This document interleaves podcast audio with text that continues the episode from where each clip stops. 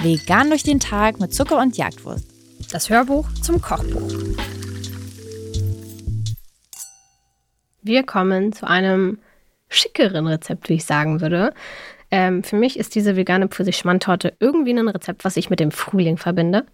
Ich sehe einen Osterbrunch vor mir oder irgendein Frühlingsfest im Garten. Und dann wird diese ähm, richtig, richtig schöne Pfirsich-Schmandtorte auf den Tisch gestellt und alle freuen sich. Das sehe ich vor mir. Und du? Ich finde, der gibt mir so richtig Konditorei-Vibes. Mhm. Es gibt ein paar Kuchen in diesem Buch, die sind für mich eher eine Bäckerei und das ist eher eine Konditorei. Edel. Das ist ein edler, Edler. Kuchen. Aber ja, der ist auf jeden Fall sehr erfrischend. Deswegen finde ich auch, passt der sehr gut in wärmere Tage. Vielleicht sind es die Pistazien, das leichte Grün, das dir so ein bisschen Ja, ich glaube, das grün-orange. Hm. Ich sehe da direkt Osterglocken vor mir. Naja, aber ihr könnt diesen Kuchen natürlich auch im Sommer ähm, servieren und natürlich auch im Winter, denn wir haben für diesen Kuchen ja Dosenpfirsiche genommen Mhm. und die gibt es natürlich das ganze Jahr Findest über. du auch, dass das, finde ich, eine, eine Obstsorte an sich ist? Ich finde, Pfirsiche aus der Dose haben gar nichts Nee. mit Pfirsichen zu tun, aber ich finde die auch ziemlich geil. Ja, auf jeden Fall. Ich mag die auch aber ich finde, die haben gar, die schmecken überhaupt nicht nach einem Pfirsich. Nö. Die schmecken einfach sehr süß, weil die natürlich auch in Zuckerwasser eingelegt sind. Aber naja, ihr könnt die natürlich austauschen. Also auch hier, wenn ihr mit Dosenpfirsichen nicht warm werdet, dann nehmt einfach Dosenmandarinen. Ihr könnt natürlich auch ein paar Beeren da reinlegen. Ähm, das macht absolut gar nichts aus, je nachdem, was die Saison eben ähm, wiedergibt. Es ist aber auch der erste Kuchen, für den wir mal eine Special-Zutat brauchen, die nicht vegane Butter ist, sondern in diesem Kuchen findet sich Agatine, worüber wir gleich nochmal reden. Denn an sich ist dieser Kuchen auf einem relativ basic Biskuitteig ähm, gebacken. Also ihr macht hier wieder, ihr müsst sozusagen wieder zwei Sachen vorbereiten. Einmal backen wir den Kuchenteig, den lassen wir dann abkühlen und dann gießen wir unsere Creme drauf und lassen die dann abkühlen. Und dann ist der Kuchen fertig. Ähm, als Basis für die Creme haben wir vegane Sahne zum Aufschlagen genommen und haben die gemischt mit veganem Skier. Man kann auch veganen Joghurt nehmen, aber dann ist die Konsistenz schon schwabbliger. Also da müsst ihr auf jeden Fall ein bisschen mehr Agatine hinzugeben. Veganen Skier oder Quark findet ihr auch eigentlich in den größeren Supermärkten inzwischen relativ regelmäßig. Bei kleineren Supermärkten und auf dem Dorf kann ich es jetzt nicht so einschätzen. Aber hier in Berlin ist es kein Problem, einen zu bekommen. Ich glaube, das kommt auch. Also ich glaube, das ist, mittlerweile gibt es ja veganen Joghurt, würde ich sagen, fast in jedem, auch von Eigenmarken im Supermarkt. Und ich könnte mir vorstellen, selbst wenn es das jetzt noch nicht auf dem Dorf gibt, in einem halben Jahr, denke ich, gibt es das. Das hoffe ich auch, denn veganer Quark ist auf jeden Fall unfassbar dankbar fürs Backen. Der hat eine ganz herrliche, dicke Konsistenz, die ähm, schön cremig ist und mit Hilfe von der Agatine dicken wir das ein bisschen an. Und dann wird das eine schnittfeste Masse, wie ihr auch auf dem Bild sehen könnt und eignet sich wirklich richtig gut für jegliche Schmand- oder Quarktorten. Ähm, wenn ihr euch jetzt fragt, Agatine, Agaranta, Agar-Agar, was soll das? Das klang irgendwie ähm, wie, fast wie so ein Rap. Also im Endeffekt, Agar-Agar habt ihr ja vielleicht schon mal gehört, das ist ähm, ein pflanzliches Geliermittel. Denn Gelatine wird aus tierischen Produkten, also den Häuten und Knochen von Rind und Schwein hergestellt. Und Mm. meiden wir deshalb natürlich. Bon Appetit. Bon Appetit. Deswegen verwenden wir oder alle Menschen, die vegan backen wollen, Agar-Agar.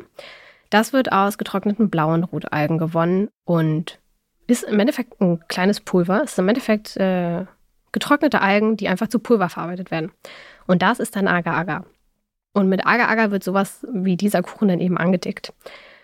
Es gibt im Supermarkt aber auch Produkte, die heißen Agaranta und Agatine. Im Endeffekt ist in diesen Produkten einfach reines Agar-Agar drin zu einer bestimmten Prozentzahl. Also zum Beispiel bei Agatine hat man manchmal so 25, 30 Prozent Agar-Agar enthalten.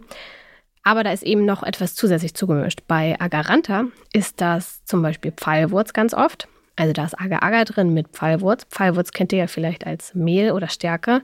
Damit bindet man zum Beispiel Suppen. Ähm, das ist so ein bisschen wie Speisestärke. Kann man das mit rangeben und dann wird es eben auch dicker. Und das ist bei Agaranta mit drin. Und bei Agatine ist da noch Maltodextrin, also einfach ein Zweifachzucker mit drin.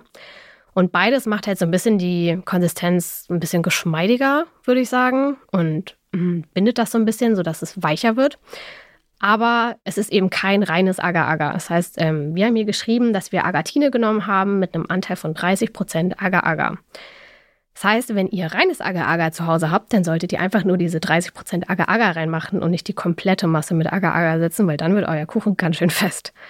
Genau, und bei Agaranta auch. Also guckt wirklich bei dem Produkt, was ihr kauft, wie viel Prozent Agar-Agar ist da drin. Umso öfter man das sagt, desto verrückter wird man, oder? Da kann man ganz, ähm, ganz bescheuert vor. Naja, aber guckt einfach mal auf die Verpackung. Da steht meistens in der Zutatenliste mit drin, dass da 20% oder 30% Agar-Agar drin sind.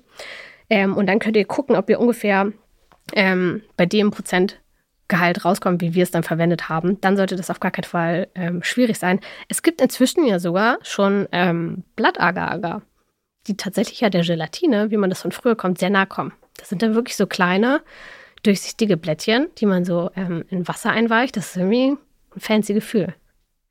Ich ähm, habe die ganze Zeit im Kopf, wenn ihr mal ein Trinkspiel braucht, dann könnt ihr euch diese Folge anhören und trinken Schnaps auf jedes Mal, wenn Isa das Wort Agar sagt.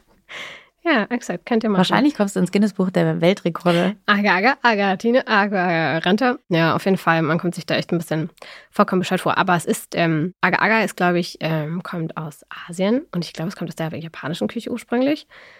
Deswegen heißt es Agar, Agar. Das hier. waren jetzt schon wieder vier Schnaps mehr. Oh Gott. Wir gehen hier sehr besoffen raus. Nee, wir machen das natürlich nicht. Ihr könnt das machen.